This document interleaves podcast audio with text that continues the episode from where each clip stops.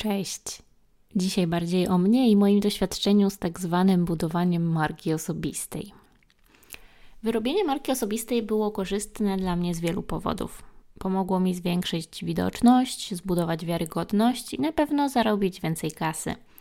Mimo, że nie robię dodatkowych zleceń od ponad 5 lat, wciąż spływają do mnie propozycje współpracy i to wszystko bez strony promującej moje doświadczenie, bez dostępnego w sieci portfolio. Marce osobistej zawdzięczam wiele, ale całość ma też trochę ciemnych stron, więc dzisiaj właśnie o tym, czyli personal brandingu. Co to ten personal brand, czy personal branding, można spytać? To jest właśnie marka osobista, czy też budowanie marki osobistej. Może być skutecznym narzędziem dla tych, którzy chcą ugruntować swoją pozycję w określonej dziedzinie. To ten cały celowy wysiłek, który podejmujemy, żeby wpłynąć na postrzeganie nas przez e, otoczenie. Inne ładne określenie, które znalazłam, to nasze odbicie w oczach innych. I tak jak budujemy marki produktów i usług, tak samo budujemy marki osób. Ciekawym przykładem są tutaj marki ze świata polityki, a na gigantyczną skalę robią to prezydenci USA oraz kandydaci i kandydatki. No to czas na mały story time, czyli jak to się wszystko zaczęło. Wbrew pozorom, moja historia z budowaniem marki osobistej wcale nie zaczęła się od kanału na YouTubach ani żadnych portali społecznościowych. Głównie dlatego, że nie były wtedy specjalnie popularne, a swoje 5 minut w Polsce miały wtedy blogi. Pracowałam w małej agencji reklamowej, jakich było wtedy na pęczki. E, finansowo ledwo wiązałam koniec z końcem i mój budżet wciąż opierał się na dodatkowych zleceniach, bo wypłata ledwo starczała na opłacenie rachunków. E, szukanie klientów, odpowiadanie na kolejne maile, dlaczego tak drogo e, i konkurowanie z osobami, które robiły to samo za 5 zł, tak, tak, o mitycznym e, psuciu rynku już wtedy dyskutowało się na internetowych forach, było po prostu męczące, czasochłonne i przede wszystkim mega, mega frustrujące. Zastanawiałam się więc, jak to zrobić, żeby to klienci przychodzili do mnie, a nie na odwrót, i wymyśliłam, że zacznę prowadzić bloga. E, blog miał mieć charakter edukacyjny, pokazywać mój proces pracy, dlaczego to wszystko tyle trwa, dlaczego współpraca jest ważna i jak, drogi kliencie, przygotować się do rozmowy i wypełniania briefu, ale też miał obalać mity, które narosły wokół tematów związanych z projektowaniem czy tworzeniem stron, głównie przez złe tłumaczenie lub powoływanie się na tak mi się wydaje, sprzeczne na przykład z najnowszymi badaniami. I miał być przede wszystkim po polsku bo właśnie w tym języku takich materiałów było bardzo mało i ja w tym czasie celowałam głównie do polskiego klienta. No i wiecie co? Efekty zobaczyłam w sumie dość szybko. Jak to się zmieniało? No, e, przez czas, w którym tworzyłam treści związane z projektowaniem, a będzie to uwaga, 11 lat, sporo się zmieniło. E, zmieniła się publika od e, treści kierowanych do klientów e, do treści dla osób zainteresowanych projektowaniem, co nie wyklucza wcale w tym wszystkim klientów. Zmieniły się, a raczej dochodziły różne kanały: YouTube, Instagram, Facebook, niedawno w sumie dość newsletter, teraz też podcast. Pojawiły się inne osoby tworzące podobne treści, a przede wszystkim zmieniłam się ja i moje podejście do ich tworzenia. Od dużej determinacji i regularności przeszłam z powrotem do trybu, kiedy mam ochotę, to tworzę. E, no i jak to się stało? Co, co sprawiło, że wciąż tu jestem, a publika na YouTubach chodzi wolno, to cały czas sobie rośnie. Myślę, że będzie tutaj kilka e, powodów. Więc odpowiadając na to, co sprawiło, że udało mi się stworzyć skuteczną markę osobistą, i tutaj taki disclaimer, e, co jest z tą skutecznością, bo to pewnie będzie bardzo obiektywne. Niemniej dla mnie jest to kwestia poleceń, otrzymywanych zapytań, na przykład oferty pracy, zaproszenia do prowadzenia zajęć na uczelniach, zaproszenia do paneli dyskusyjnych czy wystąpień na konferencjach. E, I u mnie to są takie 4-5 punktów. Mm, zacznijmy od pierwszego, najważniejszego. To dla mnie tylko dodatek. Budowanie marki osobistej zaczęłam e, trochę przez przypadek. Po prostu chciałam znaleźć sposób dotarcia do nowych zleceń. Były momenty, kiedy moje działania budujące markę były bardziej zorganizowane i zaplanowane, bo na przykład wpływały również na wizerunek firm, dla których pracowałam, ale to był zawsze dodatek. E, I tak szczerze to nie cierpię, kiedy ktoś mówi o mnie per youtuberka albo jeszcze gorzej influencerka, e, bo choć nie ma nic wstydliwego w tym, że zajmuję się też nagrywaniem filmów albo e, że promowałam to czy tamto, moim głównym zajęciem jest praca projektowa i mam nadzieję, że ta proporcja nigdy się nie zmieni, więc zdecydowanie wolę o sobie mówić per projektantka niż youtuberka. A to oznacza, że poza gadaniem o projektowaniu po prostu pracuję zawodowo. I um, kiedy jednocześnie wyskakiwałam trochę z lodówki, był taki moment, kiedy te moje działania się zintensyfikowały, bo pracowałam z różnymi firmami, które również promowały po części mnie. E, można mnie było też spotkać w projektach, na spotkaniach ofertowych, szkoleniach i wykładach dla firm. I ta dobrze wykonana praca była i jest dla mnie bardziej wartościowym poleceniem i budowaniem mojego wizerunku niż lajki, komentarze i szery. E, klienci i klientki, z którymi pracowałam, którzy w kolejnych projektach i firmach odzywają się z propozycjami współpracy albo polecają mnie dalej w innych firmach, to coś, co realnie budowało i buduje nadal moją markę. Do tego po prostu wiem, o czym gadam, mam doświadczenie i się nim dzielę. Nie tworzę materiałów o tematach, o których nie wiem. Przeczytałam książkę albo trzy artykuły na Medium i teraz świruję ekspertkę, tylko gadam o rzeczach, w których mam jakieś doświadczenie i wraz z tym doświadczeniem pewne obserwacje. A to oznacza też, że nie spinam się jakoś specjalnie z moimi działaniami w sieci, bo mam inną główną pracę. Mam kanał, na którym nadal nie mam intro do filmików. Intro do kanału jest bardzo nieaktualne, a stworzenia miniaturek czy tytułów tam nie stoi za tym żaden proces, poza wrzucaniem słów kluczowych do pozycjonowania. Dźwięk jest czasem do dupy, kadry trochę biedne, literówki i błędy zdarzają się zdecydowanie za często, a całość ma taki charakter jolo, bo, no bo nie muszę się spinać. I ten brak perfekcjonizmu pozwala mi działać i nie blokować się drobiazgami, bo mam wrażenie, że to może być e, pewna rzecz, która sprawia, że trochę przestaje nam się chcieć w którymś momencie, e, bo to po prostu często zajmuje trochę więcej czasu. W ostatnich latach e, widziałam e, wiele prób tworzenia kanałów na YouTubie, kont na Instagramie o projektowaniu, które zaczęły się naprawdę na bogato i ta jakość i długość materiałów, których absolutnie zazdrościłam, przekładała się pewnie na ilość pracy, na godziny, jak nie dni włożonej pracy. Tylko jest tutaj pewien problem, bo to wszystko wymaga czasu. Co za tym idzie, trzeba uzbroić się w cierpliwość, żeby zobaczyć efekty. No chyba, że ma się jakieś budżety reklamowe, dobrze pospinane współprace, to na pewno będzie trochę łatwiej, ale takie organiczne dotarcie do grupy odbiorców i dopasowanie do nich odpowiedniej propozycji wartości po prostu trwa. Jest też teraz dużo więcej ludzi, którzy tworzą podobne treści o projektowaniu, UX-ie, tworzeniu produktów cyfrowych. Wpisy o tym, jak projektować i czego nie robić, wylewają się z ekranów wszystkich możliwych kanałów.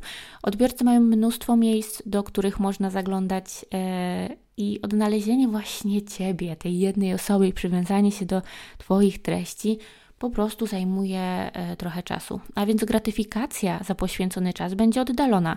I ja jestem bardzo cierpliwą osobą i myślę, że to mi pomogło i to mnie tutaj uratowało. A jak już wspomniałam o propozycji wartości, to trzeba sobie zadać pytanie, co właściwie oferujemy swoim odbiorcom. U mnie to było dość proste. Brakowało treści po polsku, a jak już zaczęło pojawiać się ich trochę więcej, no bo to zmieniało się z czasem, szukałam treści do bardziej praktycznego opisania, wychodzenia e, z tematami, które widziałam, że często pojawiały się jako pytania gdzieś w społecznościach, wchodzenie w większe szczegóły czy praktyczne przykłady, do których dostęp był trudniejszy. No dobra, ale miało być też o ciemnych stronach. No i jest kilka takich rzeczy, o których myślę, że muszę wspomnieć. Po pierwsze, czas. Mimo, że nie tworzę już regularnie treści, to zawsze są to godziny poświęcone na wymyślanie, szukanie, redagowanie materiałów. To rozmowy z osobami, które goszczą na kanale, umawianie godzin, ustalanie szczegółów, wymiana wielu maili. Kiedy rozkręcałam kanał, wiedziałam, że bez regularności raczej nie uda się zdobyć publiki i przez dwa lata co poniedziałek pojawiały się filmy. W poniedziałek zazwyczaj rano, jakieś tam ósmej rano które sama nagrywałam, montowałam i publikowałam. I to było dosyć intensywne. Pamiętam, że były takie tygodnie, gdzie wiedziałam, że nie będę miała czasu na regularne tworzenie treści. Były na przykład soboty, zazwyczaj nagrywałam w weekendy. Były soboty, gdzie nagrywałam na raz trzy albo cztery materiały, żeby wpasować się na przykład w urlopy, w moje wyjazdy, jakieś święta, gdzie wiedziałam, że nie będę miała aż tyle czasu. Pamiętam, że y, coś, co mnie absolutnie zaskoczyło, to była wyrwana ósemka i nagrywałam jeden materiał z wyrwaną ósemką. Czasami byłam chora, czasami miałam katar, czasami po prostu mi się nie chciało i to widać w tych materiałach, że nie zawsze mam 100% po prostu chęci do życia, ale to wynikało właśnie z tego narzuconego sobie rytmu, że co poniedziałek rano ten materiał musi się pojawić. Mm, I to pozwoliło mi, e, i to na pewno pozwoliło mi jakąś większą e, publikę pozyskać. No i to były godziny, dni, tygodnie pracy poświęconej na tworzenie treści na różne kanały. Czas, który można wykorzystać na miliard innych ciekawszych sposobów. Kolejny punkt to przyciąganie niechcianej uwagi i hejtu. Mam duże szczęście do społeczności, którą wokół siebie budowałam. Jedną z jej zasad, czy też zasad bycia częścią tej społeczności było nie bądź dupkiem a to oznaczało zero tolerancji na głupie zaczepki, hamskie komentarze, wyśmiewanie się z osób, które na przykład dopiero stawiały pierwsze kroki w projektowaniu, czyli trochę takie zachowania, które obserwowałam jako młoda adeptka, na przykład na forach graficznych, co osobiście bardzo mnie odrzucało i sprawiało, że wcale nie chciałam dzielić się moimi pracami. Dzięki temu, czy też przez to, na pewno dużo traciłam, no bo nie dostawałam feedbacku albo nie dyskutowałam po prostu o tych moich projektach z innymi projektantami i projektantkami. Mimo tych zasad nie udało mi się uniknąć e, hejterów. I jakby oddzielam hejterstwo, czy tam hejt od krytyki. Nie mówię tutaj o wszystkich osobach, które mnie krytykowały, bo ta krytyka jest dobra i jest potrzebna, ale chodzi mi o taki typowy hamski hejt. E, o ironię, w zdecydowanej większości byli to panowie po pięćdziesiątce, którzy nie dopuszczali do siebie myśli, że można pracować i myśleć inaczej niż oni. E, no i mam tatuaże, to już w ogóle przekreśla moje prawo do dzielenia się moim punktem widzenia. E, no i wiecie, byłoby ok, gdyby, gdyby to były komentarze mówiące, że się nie znam, czy nie mam racji, ale nagminne było pisanie do mnie w różnych kanałach jednocześnie. Facebook, Instagram, YouTube, mail, komentarze na blogu, bo był moment, kiedy miałam otwarte komentarze na blogu które po prostu mnie obrażały. Mój wygląd, sposób mówienia, e, nawet rzekomy, ukrywany jakiś wschodni akcent, dziwne były historie, wyzywające mnie, moich bliskich, masa agresji, hamstwa. To serio ryjebanie. Nawet w tej masie pozytywnego feedbacku ten jeden czy tam dwa głupie komentarze, głupie po prostu komentarze sprawiały, że gdzieś to tam we mnie się działo i, e, i po prostu psuło mi dzień. E, natomiast najbardziej zrył mi banie stalking. E, bardzo pilnuję się z udostępnianiem w sieci bieżącej lokalizacji. Wrzucam z reguły zdjęcia miejsc, gdzie byłam z kilkugodzinnym opóźnieniem i nie pokazuję dokładnie miejsca zamieszkania czy twarzy moich bliskich, e, bo po prostu nie chcę ryzykować, że coś może głupiego się stać przez to, że się nadmiernie dzielę niektórymi informacjami. No i ostatni punkt z tych takich ciemniejszych stron to presja. Presja, że nie podałam wizerunkowi w codziennej pracy zawodowej, no bo oczekiwania potrafią być naprawdę duże, e, zwłaszcza, że ja nie kontroluję tego, jak opisują mnie inne osoby. Na przykład czasem zdecydowanie za bardzo przeceniając moje doświadczenia albo umiejętności. No nie wiem, ostatnio gdzieś tam przeczytałam o sobie mistrzyni projektowania, albo że jestem ekspertką w jakimś obszarze gdzie bardziej tym obszarem jestem po prostu zainteresowana i go promuję, a niekoniecznie uważam się za nie wiadomo jaką ekspertkę. E, no, nie mam wpływu na to, jak jakieś osoby trzecie mnie gdzieś tam opisują albo o mnie opowiadają. No i w poprzedniej pracy reprezentowałam cały zespół projektowy. Byłam niejako twarzą tego zespołu, reprezentowałam go na konferencjach, e, ale przede wszystkim w rozmowach biznesowych z klientami e, i cały czas miałam z tyłu głowy taki cichy głosik syndromu oszusta, że hej, zaraz odkryję, że wcale nie jesteś taka super i co wtedy? Więc to z grubsza tyle, jeżeli chodzi o moją historię, czyli jak można się domyślać, niezbyt jakąś specjalnie zaplanowaną strategię działań w sieci. Bardziej testowałam, próbowałam nowe kanały. Nie wszystkie mi się sprawdziły, niektóre porzucałam, niektóre nie wypalały ze względu na e, współprace, które początkowo miały być ciekawym rozwojem, czy tam ciekawą drogą rozwoju, a okazywały się super niewypałem, więc e, raczej pozwalałam sobie na to, żeby podejść do tego na luzie i sprawdzać, co mi też odpowiada i jakiego typu treści pasują mi najbardziej, po tylu latach tworzenia treści wiem na przykład, że montowanie materiałów to nie moja bajka. Totalnie się męczę za każdym razem, kiedy muszę zmontować jakiś film na YouTubie. Dlatego coraz więcej mojej gadającej głowy albo live'ów na kanale, bo po prostu zajmuje to mi mniej czasu, jeżeli chodzi o przygotowanie tego materiału. Nie zmienia to faktu, że takie materiały wciąż będą się pojawiać, bo staram się gdzieś tam e, te treści, które tworzę, jednak serwować w różnych formatach, tak żeby były dostępne dla szerszej grupy odbiorców. Mm, zdecydowanie bardziej wolę pisać i wszelkie dłuższe formy tutaj e, najbardziej mi odpowiadają, ale też wiem, że trochę nie ma grupy odbiorców na to, żeby te wszystkie długie treści na blogu czytać. Więc walczę trochę ze sobą między blogiem, e, newsletterem i, i, i jakimiś krótszymi formami. Zobaczymy, jak to się wszystko potoczy. E, zobaczymy, ile jeszcze będę miała siły i ochoty na to, żeby w ogóle te treści po polsku tworzyć. E, bo nie ukrywam, że teraz pracując w języku angielskim i otaczając się trochę innym, inną grupą osób, też myślę, o tym, żeby może te moje działania przekierować e, trochę w inną stronę. No ale zobaczymy.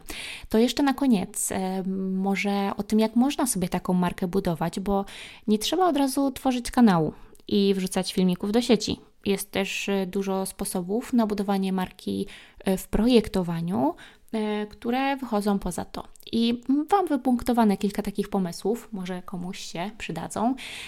I pierwszy z nich to wystąpienia. Wystąpienia na konferencjach, meetupach e, i innych e, wydarzeniach związanych z projektowaniem.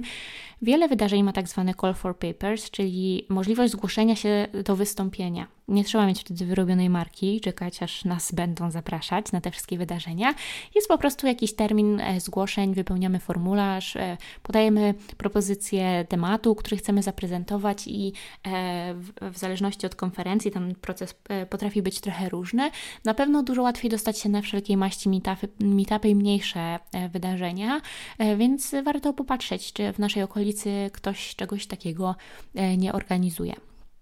Kolejna rzecz to oczywiście wspomniane przeze mnie wielokrotnie tworzenie treści.